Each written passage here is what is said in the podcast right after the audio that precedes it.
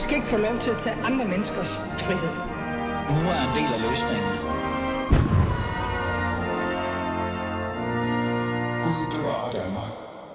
Velkommen til øh, Alis Fæderland. Mit navn er som altid Ali Aminali. Det er blevet tirsdag, og det er tid til noget god fæderlandsradio. Kan man jo på en eller anden måde fræk nok godt sige. Men i dag kommer det til at handle ikke om selve fæderlandet, eller i hvert fald den første time. Det kommer til at handle om nabolaget øh, på en måde. Fordi, hvad gik det egentlig galt, Sverige? Det er det spørgsmål, jeg tit spørger mig selv, og også andre, men også generelt bare svenskerne, når jeg kigger på dem. Bandekrig, store integrationsproblemer og en større identitetskrise har ramt svenskerne. I årtier har de anset dem selv som et liberalt samfund, der altid tager imod de svageste, et humanistisk stormagt. Men de seneste par år har noget ændret sig i svenskerne. Noget, de selv ikke havde i det vildeste drømme kunne have forudset. I dagens afsnit af Fæderlandet dukker vi ned, eller dykker jeg ned i det her svenske folks rejse fra at være bramfri og åbne til, hvad de så end er nu. Lad os komme i gang.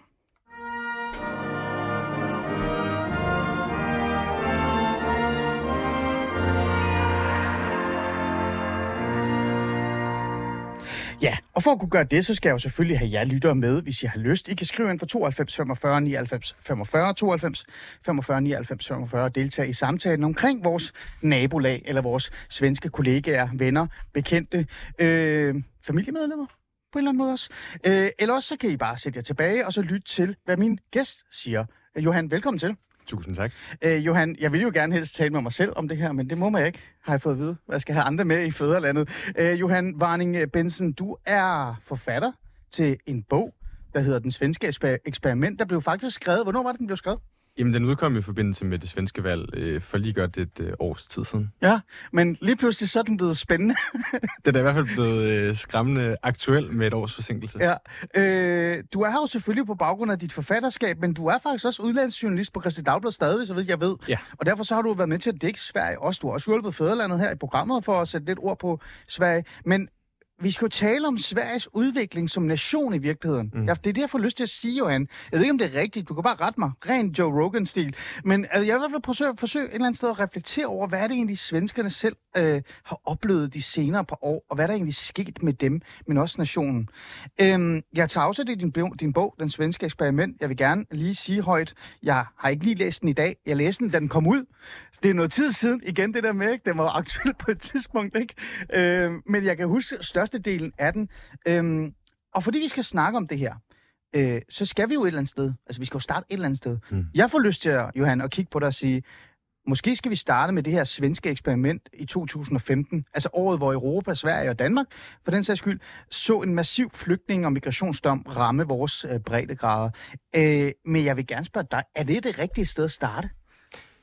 Det er et udmærket sted at starte, men man kan også starte i midten af 70'erne, hvor svenskerne vedtager øh, pangdangen til den danske udlændingelov, altså hvor Sverige ligesom lovfester, Ah. hvordan det Ja. multikulturelle Fortæl, samfund skal se fortæl, ud. fortæl. Jamen, der øh, beslutter en øh, socialdemokratisk ledet regering. Øh, det var jo sådan i Olof Palmes velmagtsdage, der hvor man kan sige, de seneste mange årtiers svenske selvforståelse på mange måder går op i en højere øh, enhed. Ja. Der vedtager man øh, det, der skulle være øh, forgangseksemplet på udlændingepolitikken. Man vedtager ved lov, at de mennesker, som kommer til Sverige fra andre lande, selv bestemmer øh, i hvor høj grad de ønsker at bibeholde deres oprindelige kultur, identitet, normer og værdier, eller man har en ambition, et ønske om at øh, overtage nogle af det nye hjemlands øh, normer og værdier. Så svenskerne beslutter, at man vil have et multikulturelt samfund.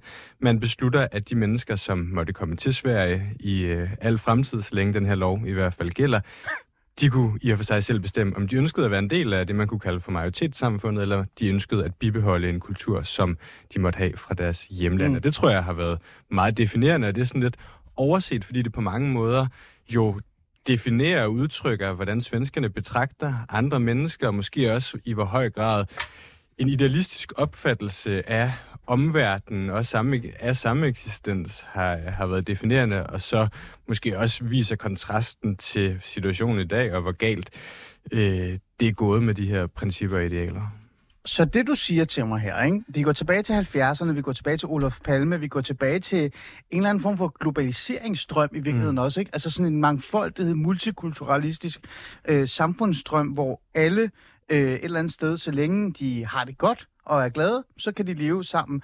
At det er noget, der sidder meget dybt i svenskerne, altså øh, fra dengang. Mm. Øhm, hvad skete der så, der gjorde, at... Altså, fordi jeg har sådan en idé om, lad os bare, bare virkelig holde fast i den her. Vi starter i 70'erne.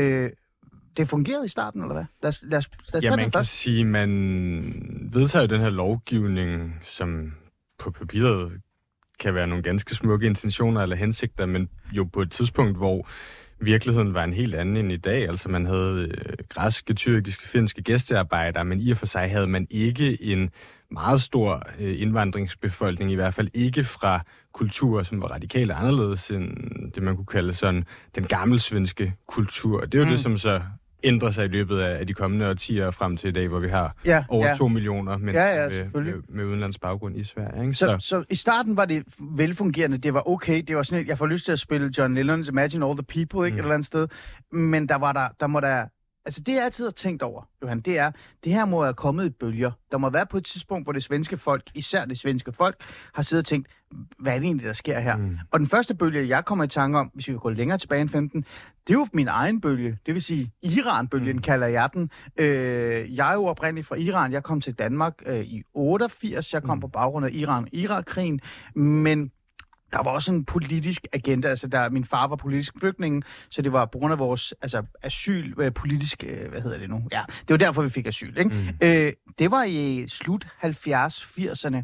Øh, lad man ikke lidt mærke til, at der kom nogle anderledes typer ind, end det, man var vant til?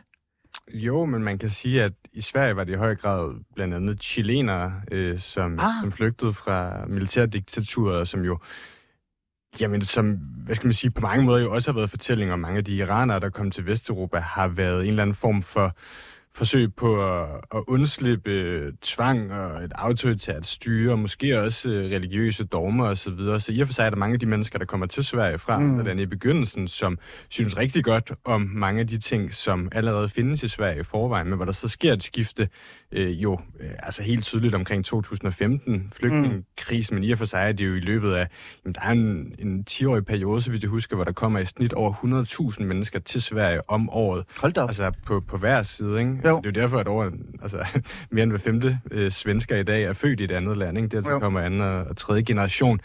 Så der sker jo en, en massiv øh, omkalfatring af øh, den svenske befolkningssammensætning i løbet af, af især nullerne og, og tierne. Og det er jo der, hvor der også ligesom begynder at opstå de her sige, værdisammenstød, ikke? Fordi jo. at det ikke længere er finder eller tyrkiske gæstearbejdere, eller ja.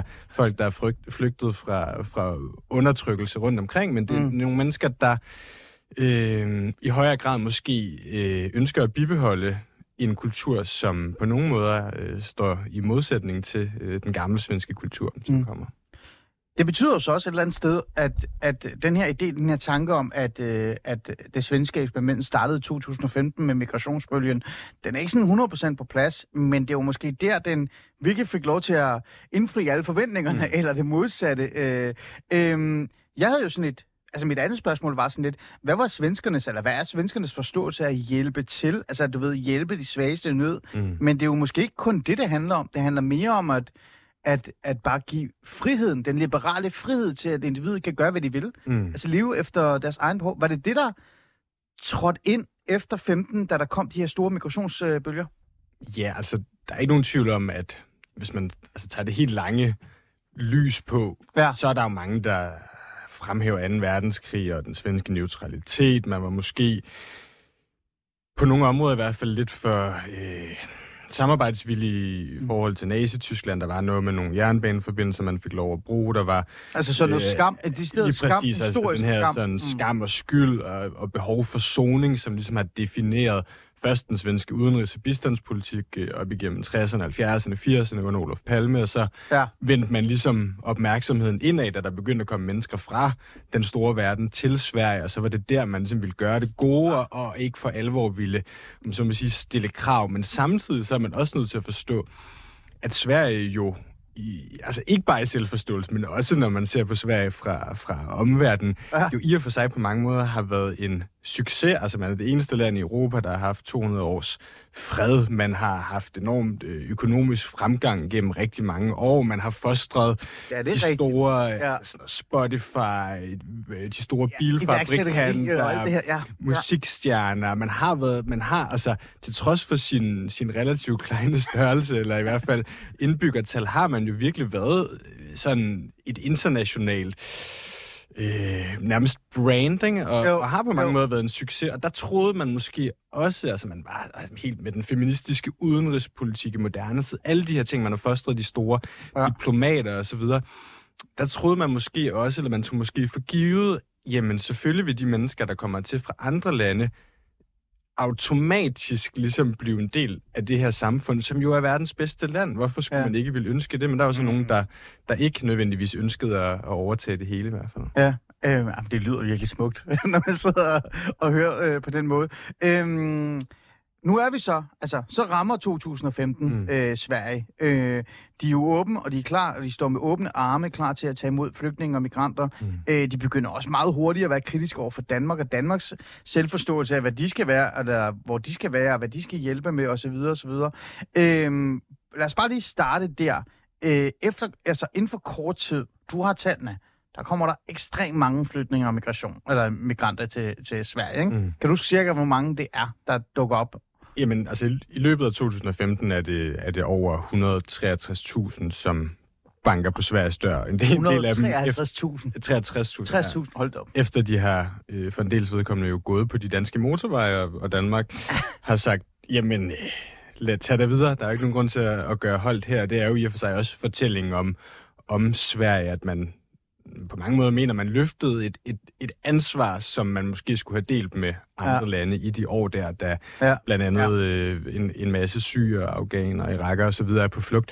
Øhm, jamen, så over en periode kommer der over 100.000 om året i snit, og det betyder jo så i dag, at vi har en situation, hvor mere end 2 millioner svenskere er født i et andet land. Vi har altså Malmø, som jo ligger lige over på den anden side af Øresunds ja broen Sveriges tredje største by, hvor det er over 40 procent af den voksne befolkning, som er født i et andet land. Ikke? Altså mm. dertil kommer jo så øh, anden og tredje øh, generationsindvandrere osv., ikke? og man har, øh, hvis de her mennesker er jo ikke skal man kalde det, jævnt fordelt ud over det ganske land, så det vil sige, at man i dag har altså, ganske store øh, boligområder, ganske store øh, bydele, som ja. jo stort set udelukkende øh, består af mennesker, som ikke har svensk som modersmål, eksempelvis. Ikke? Så, så man kan sige, at man har en høj del af, af mennesker fra andre lande. De kommer alle mulige steder fra, men man har rigtig mange fra øh, fra Mellemøsten, fra Afrika, fra Asien osv., og, og, og rigtig mange af de her mennesker, fordi svenskerne ligesom, og der er vi tilbage til den der, nogen vil sige øh, fantastisk flotte, andre vil sige naiv tiltro til, at,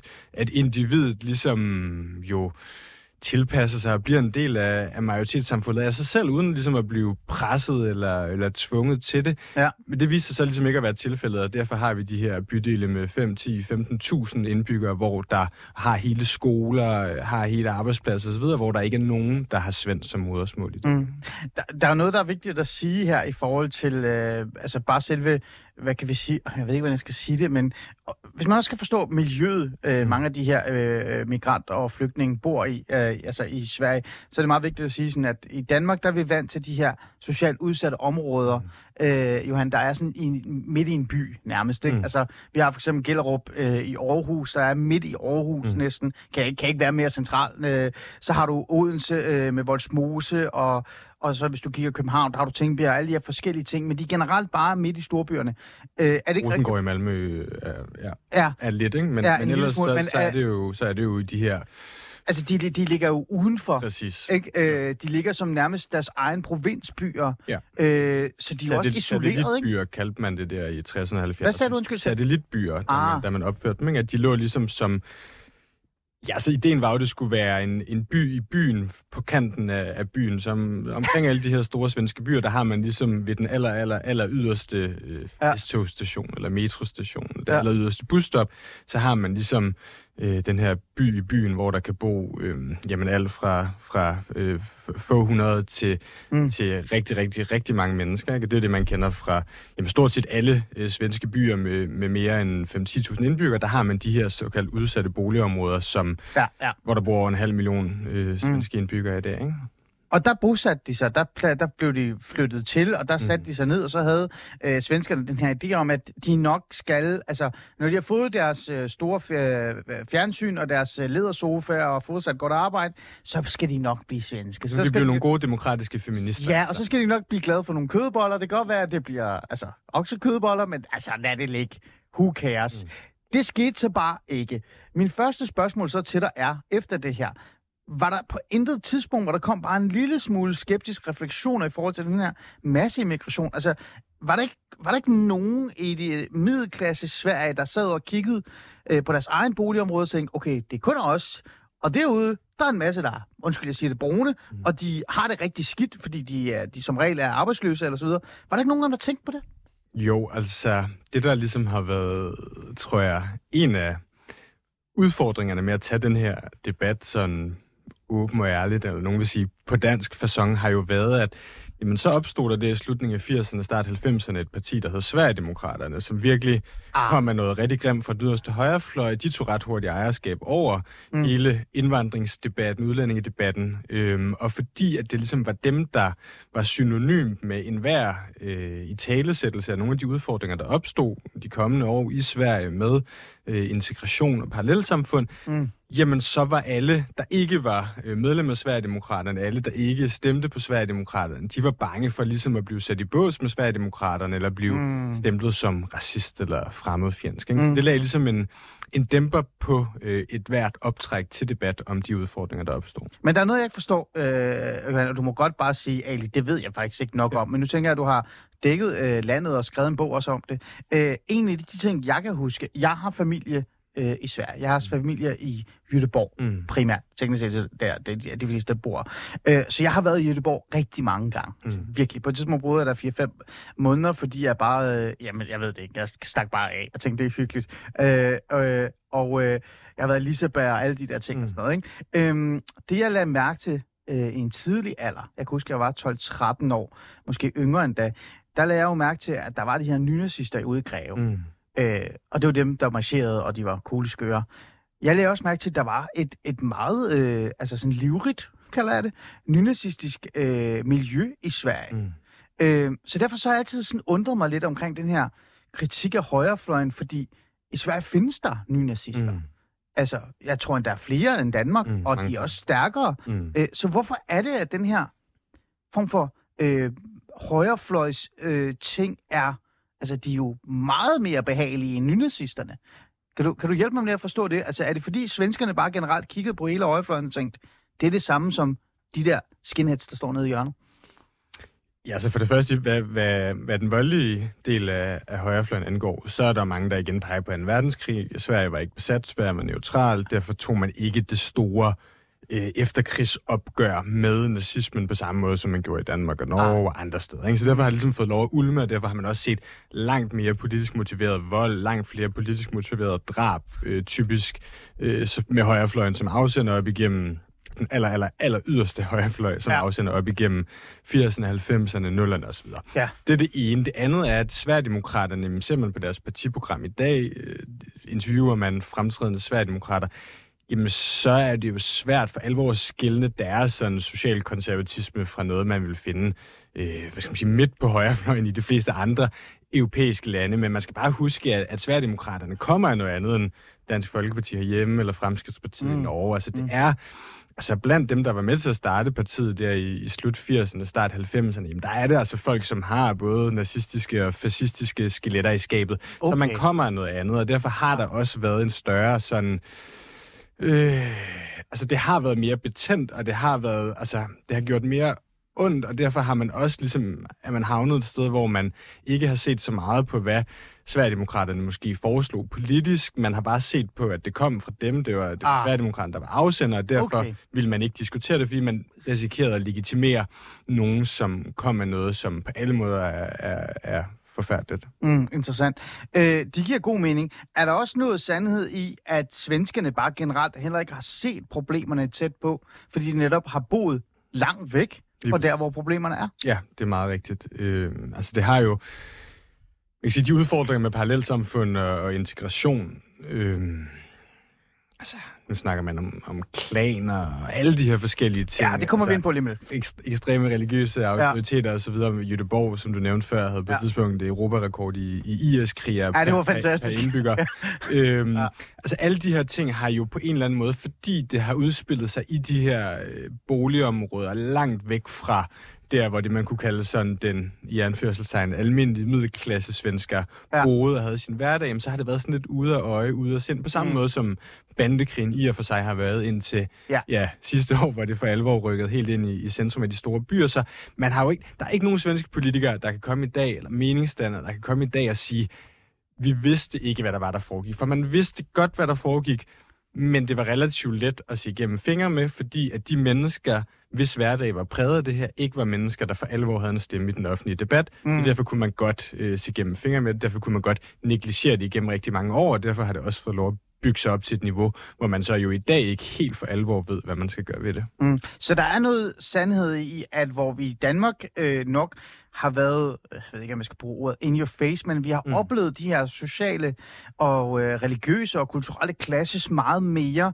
øh, og derfor på en eller anden måde er blevet tvunget, mm. både højre og venstrefløjen, tvunget til at forholde os til de her integrations- og migrationsproblemer, så har Sverige haft større mulighed for selvfølgelig de liberale, men der var været større mulighed for, at de kunne putte sig lidt længere væk for de problemer. Og på en eller anden måde, øh, jeg synes faktisk, Johan, øh, en tese, der også begyndte at komme i højrefløjen i Danmark, det er lidt, der hedder, så længe de er der, hvor de er, og vi er, hvor vi er, mm. så behøver vi ikke at tænke på hinanden. Mm. Så der, der er noget sandhed i det også, ikke? Altså... Jo, altså der har nærmest været en eller anden form for altså, øh, gated communities i Sverige, ikke som at man har buret, øh, man har sat et hegn op rundt om ens boligområde, men, men infrastrukturen har jo fungeret på en måde, sådan så at det altså, de facto har været en form for ja. gated communities. Ikke? Altså, det var i de der forstadsområder, det var i de der satellitbyer, øh, langt uden for, for centrum i de store byer, hvor problemerne fandtes, så det var ikke mm. alvor noget, man blev påvirket af inde i, inde i centrum. Og så kan man også bare lige i forhold til ja, lige at, at vende tilbage til det med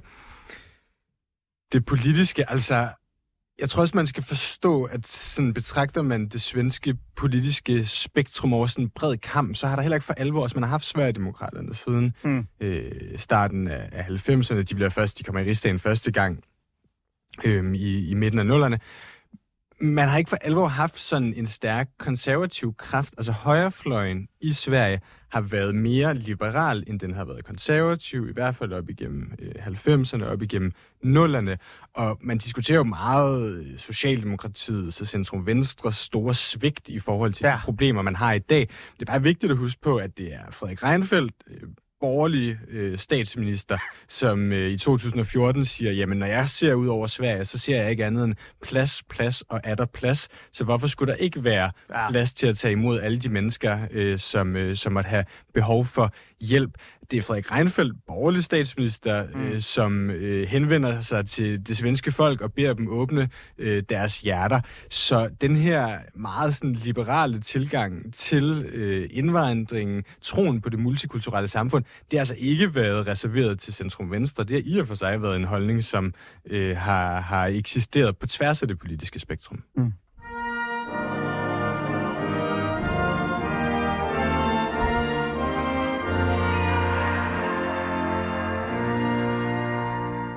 Jamen, du lytter til Fæderlandet, øh, svensk edition, for jeg nærmest lyst til at sige. Øh, vi taler om Sverige, vi taler om, hvad der egentlig er, der er på spil. Hvad er det egentlig, der er galt i Sverige, og hvordan er vi kommet herhen?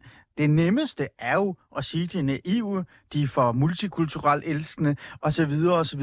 Men jeg synes faktisk, der er nogle nuancer, som jeg tit taler med mine familiemedlemmer i Sverige. Vi glemmer lidt i hele den her debat. Og for at kunne finde de her nuancer, for at kunne tale om det, så er jeg jo altså, en kæmpe fornøjelse at have Johan Warning Benson med i studiet. Du er forfatter til bogen Det Svenske Eksperiment, og så er du udlandsjournalist på Christi Dagblad også. Øh, jeg har faktisk lyst til at sige, en ven af fædrelandet nu. Nu har du været her to gange, så nu er du der. Og, og, og jeg har startet, Johan, med at på en eller anden måde prøve at nuancere den her hvorfor er Sverige, som de er, ikke? Hvorfor er svenskerne, som de er? Og allerede nu, meget kort, hurtigt, øh, vil jeg gerne lige reflektere med dig, før vi går videre. Det viser jo så også i virkeligheden, hvor kompleks problemet er i forhold til Sverige. Mm. Når man tænker på, at altså når man kigger på deres kæmpe migrations- og bandekris og integrationsproblemer, det handler jo ikke bare om, at de bare kiggede der og halal hippie og tænkte, ej, de sgu alle sammen søde. Det, det er også en del af deres identitet, ikke? Mm. Men samtidig også det der med, at jamen, når problemet ikke har ramt dem, hvorfor skulle de så reagere i virkeligheden? Mm. Nu har den jo så i Gud ramt dem øh, øh, Johan, må vi sige. Men hvis vi lige spoler tilbage en lille smule, også bare forholder os til din bog også, øh, og så tager vi hele den her bandekrigssituation, der er nu også, så får jeg lyst til at spørge dig, øh, hvornår begyndte det svenske system på en eller anden måde at mærke ændringerne? Og grund til at spørge om det, det er fordi, jeg kan huske at i 2017, og jeg glemmer den aldrig, fordi jeg sad og grinede lidt over den i virkeligheden også, øh, og det var noget, man ikke gad at tale om i Danmark. Der sad The Economist, det her sådan udlandske magasin, der er rigtig glad for business og, og skala osv., de havde sat sig ned og undersøgt, hvor meget det egentlig kostede, altså hvad kostede migration for det svenske øh, system. Og de kom frem til, at det svenske øh, selve velfærdssystem og Sverige bliver faktisk nødt til at nedjustere deres sociale ydelser og sociale muligheder for den almindelige svenske borger, fordi der var bare for mange, der boede i landet, der ikke betalte skat. Mm. Øhm, og det var interessant at sidde og læse det og se sådan den der erkendelse fra politikere fra Sverige, som stadig ikke vil indrømme, at der var integrationsproblemer, men samtidig må sidde og sige, Jamen, det kan godt være, at det der med tandlæge og alle de her ting, sådan noget, det bliver lidt sværere i fremtiden. Ikke? Det er bare ærgerligt at pleje hjem og sådan noget. Øh, så hvornår begyndte det systemet egentlig virkelig kunne mærke, at nu blev det presset? Mm. Jamen, der sker rigtig meget omkring 2015, kan man sige. Altså, Stefan Löfven, som er øh, statsminister, socialdemokrat, Øh, han står øh, på det centrale tog øh, i Stockholm, Medborgpladsen der, ah. i foråret 2015 og siger, ja. mit Europa bygger ingen mure. Det er ligesom billedet på det, man kunne kalde den gamle svenske selvforståelse. Ikke? Og så jo, jo. få måneder senere kan man jo godt se, at man er jo slet ikke i stand til... Altså, en ting er, hvad man, hvad man måtte ønske i sit hjerte, men det er simpelthen umuligt at skaffe alle de her mennesker, der kommer, tag over hovedet, tilstrækkeligt mange sengepladser. Og så ja. sker der ligesom et skifte der omkring, men det er interessant, fordi Jamen, forleden interviewede jeg en, øh, hun er socialdemokrat, hun er medlem af den svenske riksdag, altså parlamentet, ja. i dag, men hun var borgmester i sådan en lille midtsvensk kommune øh, i årene omkring flygtningekrisen, og hun sagde, øh, i 2014, da hun er borgmester i, i den her lille kommune med lige under 6.000 indbyggere, der øh, placerer det svenske migrationsværk, altså de svenske migrationsmyndigheder, som, som ligesom fordeler de mennesker, der kommer til Sverige i ja. øh, de der år, øh, lige omkring 1000 øh, flygtninge i, øh, eller asylansøgere i hendes kommune. Ikke? Altså så i en kommune med, med lige under 6.000 indbyggere, kommer der lige pludselig 1000 ja. nye indbyggere overnight. En lille ja. bitte øh, landsbysamfund i, øh, i Midt-Sverige. Og hun, øh, tror jeg på mange måder, øh, sådan øh, rummer alle de følelser, der var på spil der. Altså i starten fortalte hun, jamen der troede man jo virkelig på, at man kunne det her. Altså, det er jo sådan Angela Merkels vi har schaffen ja. das, ikke? Altså, hvis vi alle sammen ligesom står sammen. sammen, og ja. nogen åbner deres øh, hjem, og nogen øh, lærer de her mennesker det svenske sprog, nogen introducerer dem til foreningslivet. Civilsamfundet, ikke? Civilsamfundet træder til, så, så kan vi godt løfte det her sammen. Og i løbet af, af ret kort tid, jamen så gør det jo op for, for den her borgmester, at, at det fungerer ikke, at folk kan ikke genkende deres øh, gamle øh, landsbykommune. De har i og for sig ikke nogen udtalt modvilje mod øh, den enkelte asylansøger, men, men tingene forandrer sig for mm. meget, for hurtigt, og fordi at man sige, kvantiteten var, var for, for over... Ja, så var man simpelthen ikke i stand til, selv med verdens bedste intentioner, ja. og selv med, med al den energi og alt det overskud, og al den lyst, man overhovedet kunne mønstre, var man ikke for alvor i stand til at gør de her mennesker til en del af øh, det svenske fællesskab. Ikke? Og, ja. og, og den kommune der er på mange måder jo nok billedet på øh, den erkendelse, der sker i de år, år i, i, i resten ja. af Sverige. Men sagde hun også, jamen, det er jo ikke sådan, at der ikke er socialdemokrater. Det er socialdemokrater, der bestemmer mange steder i Sverige. Jeg har gjort det i rigtig mange år. Det er jo ikke sådan, at der ikke er nogen, der hvad skal man sige, på gangene går og, og viske tisker om, at men, åh, vi er faktisk lidt i stand, eller vi er i tvivl om, hvorvidt vi er i stand til at, at klare den her udfordring. Men dengang, altså før 2015, før det ligesom blev klart for alle, mm. at de her udfordringer var så øh, massive, at man ligesom ikke kunne følge med, Mm. der var man stadigvæk mere bange for at blive stemplet som racist eller fremmedfjendsk, hvis man råbte vagt i gevær, øh, end man var øh, for ligesom at, at, at ja, tage hånd om problemerne simpelthen. Ikke? Så Mm. mm. der var ligesom den der ja, berygtede berøringsangst, som, Mm. mm. som vi ofte taler om herhjemme. Jamen, det er bare noget, som på mange måder har gjort, at man er kommet alt for sent i gang i forhold til de her ting. Og det har du fuldstændig ret i, øh, øh, og, og det er jo fuldstændig rigtigt. Men der i 17 og 18, øh, og især også, øh, jeg kan huske, også under, hvad hedder det, coronakrisen mm. i 19 også, og lidt fremad, øh, der talte jeg jo, jeg taler jo tit med min øh, familie, især i Sverige, men også bare generelt følger den svenske debat, øh, sidder og læser Aftenbladet og alle mm. de her ting, for jeg keder mig rigtig meget. det er noget andet, Johan. Det er fordi, jeg hører God Aften øh, Danmark, ikke? eller hedder ser God Aften Danmark, og så tænker jeg, det er kedeligt, vi går over til Aftenbladet og sådan noget. Men, men øh, der var jo en, en, der var jo begyndt at være en, en stille og rolig debat, mm. Mm. eller en diskussion blandt den anmenige svensker, fordi de kunne jo godt mærke, at deres velfærdsstat fungerede ikke rigtig længere, for der var ikke penge til det. Ja. Jeg kan huske, der var nogle diskussioner og nogle samtaler også omkring skolerne, hvor der var en stor procentdel af svenske skoler, der lige pludselig bare var 0% svenskere. Mm. Altså det var kun udlændinge, der var i de skoler. Og, og, og der var nogle classes, der blev, øh, der blev større og større. Derfor så igen, jeg tænker sådan lidt, i 17, 18 og 19, øh, der kunne svenskerne da godt mærke, at det står galt til. Men du siger til mig, det var stadig den der bekymring for at blive stemplet sådan højrefløj, der Mm. gjorde, at de ikke reagerede. Ja, altså, man kan sige, det, det er jo klart, at det har udfordret sådan solidaritetstankegang, hele det også, altså i og for sig det her ret og pligt-princip, som vi har talt så meget om herhjemme, da det viser, at det ikke kun var hjernekirurger og tandlæger, som, som kom i de der år omkring flygtningekrisen. Der, altså længe holdt man jo fast i, at, at det ville være en økonomisk berigelse for Sverige med øh, den her flygtningeindvandring, der kom i de der år. Ja. Øh, Det var først langt senere end eksempelvis i i Danmark, at man begyndte at tale om det som en potentiel udfordring for finansieringen af øh, velfærdsstaten. Men, men igen, altså, så har den der altså, behovet for på en eller anden måde at være jamen, det her humanitære fyrtårn, eller mm. den her Mm. moralske stormagt, har på en eller anden måde været vigtigere, eller har fyldt mere, i hvert fald sådan i de besluttende lag i det svenske samfund, Mm. end øh, at reagere med, med rettidig omhu på de udfordringer, som, som indvandringen førte med sig. Både når det kommer til altså, jamen, det økonomiske finansiering af velfærdsstaten, arbejdsløshed osv., men jo især, tror jeg, så nogle af de kulturelle implikationer, som det også har haft. Mm.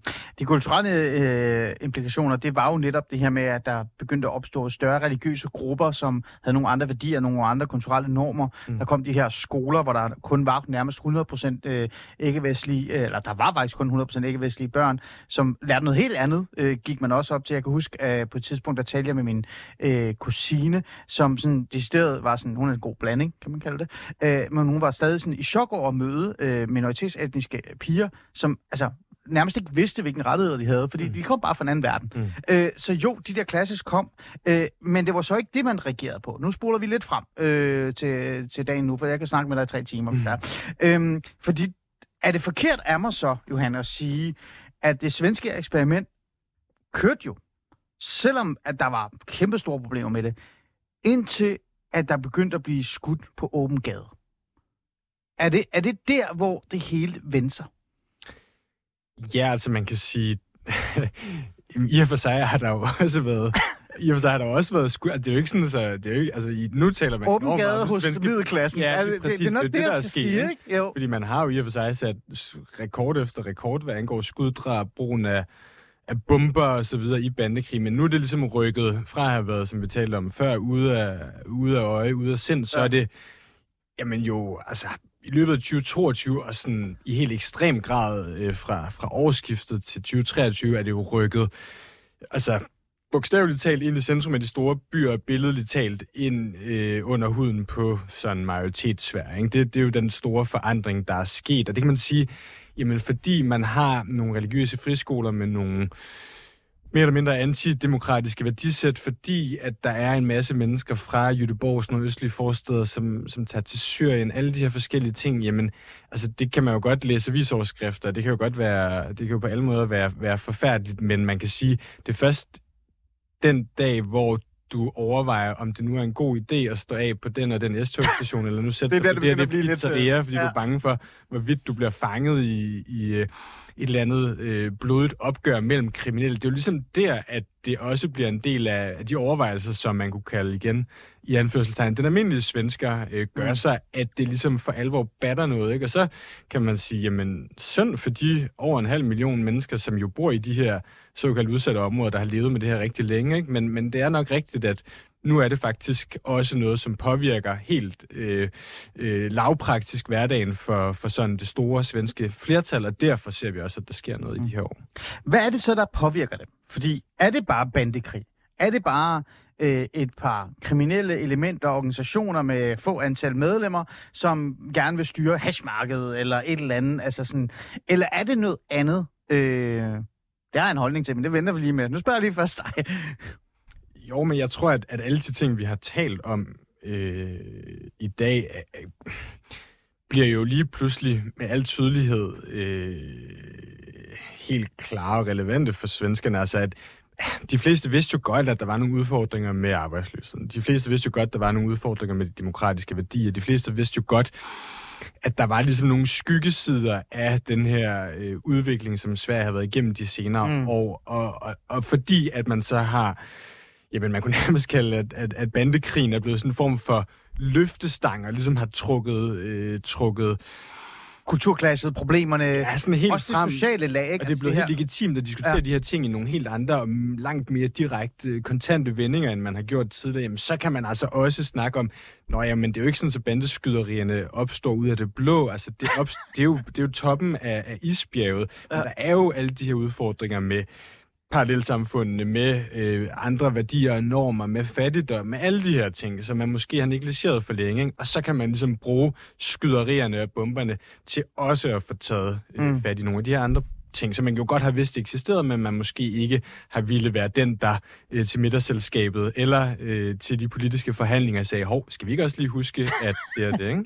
og det har været rimelig svært, ikke? Altså dengang. Men det er blevet nemmere. En af de ting, der så bliver nævnt rigtig meget, det er klansamfund. Mm. Og det er jo en af de sjove ting. Altså fordi Sverige, Johan, hjælp mig gerne igen det er et mærkeligt monster. Eller øh, fabeldyr. Jeg ved ikke, hvad jeg skal sige. Fordi på den ene side, så er det meget øh, moralsk korrekt.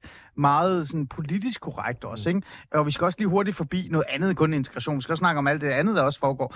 Men på den ene side er den meget på den måde. Men samtidig, så kan den også lige pludselig vende sig til rå ærlighed, som vi nærmest ikke har i Danmark. Fordi i Danmark taler vi ikke om klansamfund. Mm. Vi taler ikke åben ærligt omkring den her øh, nye, jeg kalder det, som også eksisterer i Danmark, øh, og jeg håber, nogen gider tale med mig om det snart, den nye underklasse. Mm. Sådan den brune underklasse. Mm.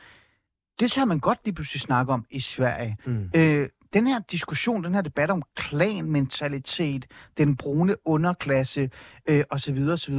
Øh, hvordan opstår den lige pludselig, når de altså nærmest nægtede det modsatte? Mm. Ja, altså der er stadigvæk mange, der ikke bryder sig for eksempel om at bruge ordet klaner, altså som taler om de her familiebaserede netværk, hvilket jo er sådan, på, måske på mange måder opsummere det vadested, som svenskerne befinder sig i. Ikke? Altså, nu vil man virkelig gerne tale om de her ting. Men det er sådan, man skal stadigvæk lige finde sine fødder i debatten. Ikke? Øhm, men det er fuldstændig rigtigt, der er kommet en del bøger om klanernes øh, indflydelse i øh, Sverige. Du, du ja. nævnte Jødeborg før. Ja. Det nordøstlige Jødeborg er jo et af de områder, som, ja, ja, hvor en, en meget anerkendt journalist har afdækket, hvordan en såkaldt øh, storfamilie øh, jo fuldstændig har, har kontrolleret altså, flere bydele, et enormt område med rigtig mange indbyggere, har ligesom haft det i sådan et jerngreb. Øh, mm, ja. Og ja, altså, de fleste er jo, har jo bevæget sig videre end at sammenligne Sverige med, med Danmark eller Norge eller Finland. Nu taler man jo om, at man skal have hjælp af eksempel tyske myndigheder i forhold til den her klanproblematik. Man skal have hjælp af amerikanske myndigheder i forhold til, til, til bandeskyderierne og så videre. Ikke? Så, ja. men, men, men man er helt klart blevet bedre til at tale om tingene de senere år, men som jeg altså en, en svensk, en redaktør på et medie, der hedder Kvartal, sagde til mig, øh, han siger det blandt andet i min bog, øh, ja.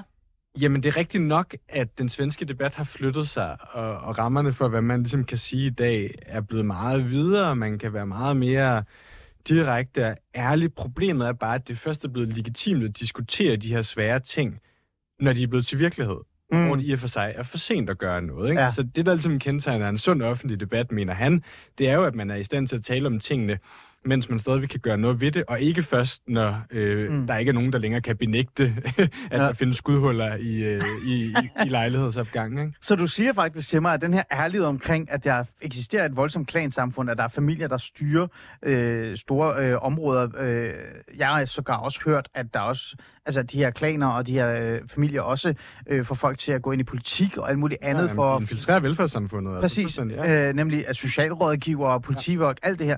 Ja. At, at det er fordi, at nu kan man ikke, altså man kan ikke benægte det længere. Nu er problemet blevet så stort, at selv de mest øh, politisk korrekte, øh, godhjertede, nogen vil sige blinde øh, mm. deltagere i den offentlige debat, kan ikke længere altså, sige, at, at det ikke eksisterer. Ikke? Ja. At, at, at det er først, når problemerne ligesom manifesterer sig på middelklasse Sveriges dørtrin, at man kan tale om dem, ikke? fordi mm. at, at de så er, er blevet umulige mm. at benægte, men dermed også, at der er nogen, der hævder, jo så meget desto sværere at gøre noget ved. Ikke? Altså det, det, det gode ville jo være, hvis man på en eller anden måde kunne tale om nogle af de om morgendagens udfordringer på en konstruktiv måde i ja. dag, fordi så ville det være lettere at gøre noget ved, ja. end at man står i en situation som, som i Sverige, hvor man diskuterer, hvorvidt man skal sætte militæret, militæret ind mod, øh, ja. mod de bandekriminelle. Ja. Ikke? Men har Sverige så ændret sig nu? Altså er vi kommet et sted hen, øh, hvor den svenske forståelse af dem selv og den liberale forståelse af altså den der med, at frihed mm. kommer øh, ansvar, men også bare en eller anden kærlighed til,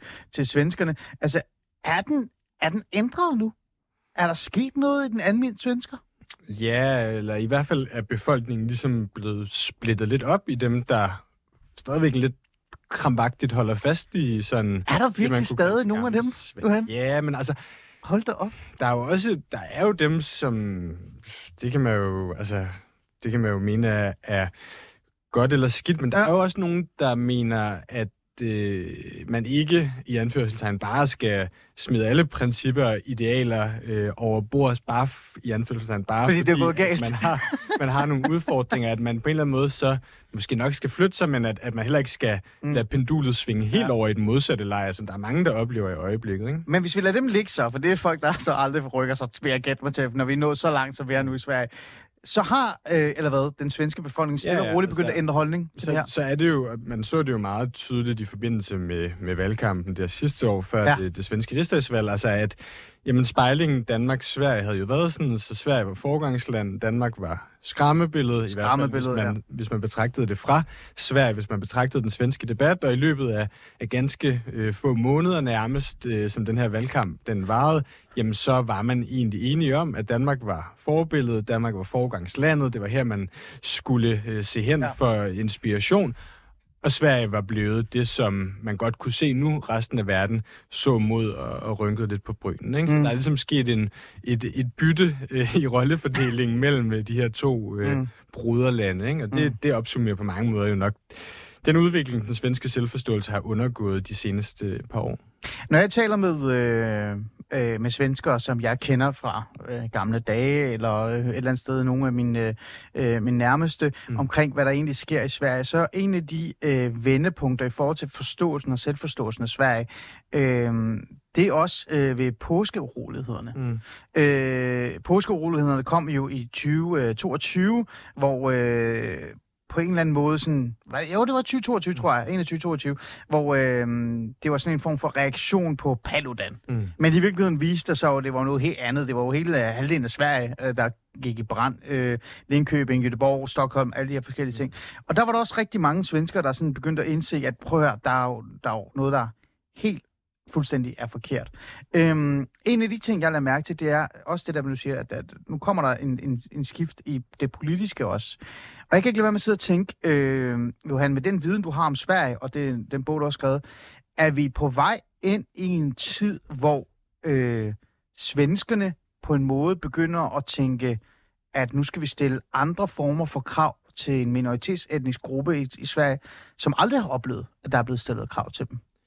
Ja, altså, det er jo i hvert fald det, som man fra Socialdemokratiet, som nu er i opposition, og så hele vejen ud til, til Sverigedemokraterne, er øh, relativt enige om, ikke? At, at nu er vi nødt til på en eller anden måde at arbejde øh, i retning af et mere homogent samfund, når det kommer til værdier, når det kommer til jamen, mm. indstillingen til, til, til alt muligt mellem, mellem himmel og jord, fordi at, at man er nået et sted hen, hvor at at Sverige ikke længere hænger sammen. Så ja, altså, det er mange af de her øh, idealer og principper, og den der tro på individet, det frie individ, men måske også troen på, at det frie individ af sig selv ligesom ville rette ind Ja. efter majoritetssamfundet. Den er opgivet lidt på en måde. Ja. Den, den, er, den er mere eller mindre opgivet. Men Johan, igen med din viden omkring Sverige også og sådan noget, øhm, og så tager vi lige min viden omkring minoritetsetniske grupper, hvis de især ikke er blevet udsat eller mødt med øh, kritik eller, øh, eller øh, krav osv., osv. Mm. Øh, der er der en voldsom reaktion så i vente.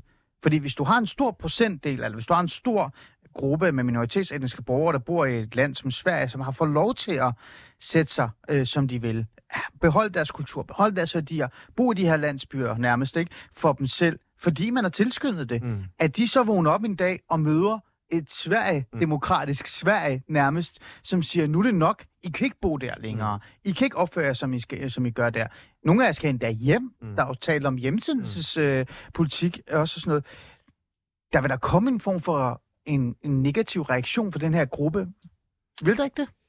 Jo, altså der kommer jo i og for sig flere reaktioner, fordi der er jo, der er jo en del, som øh, frygter, hvad, hvad den vej Sverige nu er slået ind på, kommer til at betyde for dem, men der er jo faktisk også, det er noget af det interessante, når man besøger nogle af de her udsatte områder, ja. så er det jo faktisk ofte der, man møder sådan øh, den hårdeste retorik, hvad angår sådan øh, lov og ordning. Altså jeg har ikke tal på, hvor mange... Øh, mennesker, jeg har, har snakket med i de her områder, som jamen, jo har sagt, prøv her, øh, da vi øh, flygtede fra borgerkrig i, i det her det land, så ja. det var fordi folk, de rendte rundt og skød på gaden uden foran vores vinduer, ikke? Ja. Så tog vi til det, vi troede var verdens tryggeste land, nu skyder de uden for vores øh, vinduer. også uden for vores vinduer. Her, send dem nu hjem, og så kan man sige, nå, men hjem, hvorhen er det? Er, det er jo folk, der er, er født i Sverige og så videre, men men ofte så møder man det der, sådan, det man kunne kalde for strammerkravet, ja. mest eksplicit i de her områder, hvor altså, man skal huske på, at rigtig, rigtig, rigtig mange mennesker jo lever altså helt almindelige lovlydige, arbejdsomme liv, og de har jo heller ingen interesse i, at det er af de brødne kar, der ligesom får lov at tegne billedet af, af dem, og, og så er der mange, som måske har nogle lidt andre normer og værdier. Der er måske også mange, der taler et, et gebrokken svensk, men, men der er jo altså rigtig, rigtig, rigtig mange af de her mennesker i de her områder, som på mange måder gerne vil være en del af, af Sverige, og som, som jamen, måske er dem, der øh, i højst grad har mærket mm. øh, de kriminelles indflydelse, har mærket klanernes indflydelse, øh, og som nu også skal bære de negative konsekvenser af den politiske reaktion på de mm. her problemer. Ikke? Så. så det vil sige, det du siger til mig, det er sådan lidt, og jeg vil bare lige bekræfte dig lige hurtigt øh, i forhold til det der med, altså, da jeg arbejdede i socialt udsatte områder, på et tidspunkt arbejdede jeg, øh, Johan, dengang, hvor der var krig mellem LTF og Brabrandbanden mm. og resten af Aarhus nærmest. Og jeg kan huske nogle af de der møder, jeg mødte i vores fælles øh, hus nede i Viby Syd. Altså, deres øh, løsning på problemet, det var jo, kan vi ikke køre mod en skov og skyde dem? Det var sådan, det var sådan, og jeg også ja, der gør vi ikke i Danmark. Aller, aller, aller yderste højrefløj, ikke? Som ja. finder jeg altså, så, så jeg vil give dig ret, at øh, de, de er lidt mere konkrete i deres løsningsforslag. Men betyder det her så i virkeligheden, at at den her stramning og den her udvikling, der er kommet nu, den her realisering, mm. som godt kan udmunde sig i, at der kommer mere hårdhed, også politikmæssigt, at det, altså, det kan faktisk godt løse sig lidt?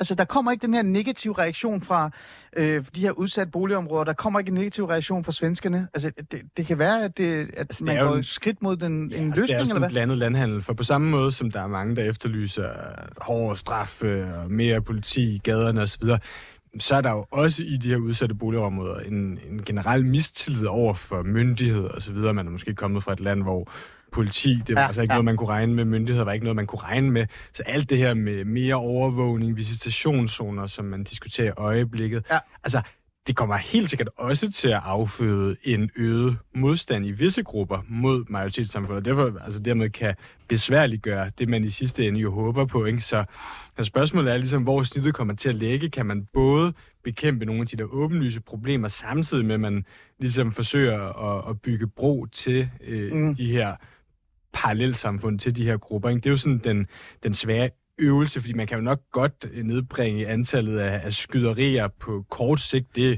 måske i høj grad et spørgsmål om, hvor mange politiressourcer man sætter Eller af til det. man sætter ind. Ja. Eller hvor meget militær man sætter ind. Spørgsmålet er nok, hvordan man på den lange bane både sørger for, at det, man kunne kalde majoritetsværige, stadigvæk tror på, at deres politikere faktisk kan løse de problemer, som findes i samfundet, og ligesom sørger for, at de mennesker, som, som er en del af parallelsamfundene, bliver en del af øh, fællesskabet på en eller anden måde. Og, og det, Mm. det er lidt af en spagat, man skal gå, tror jeg. Mm.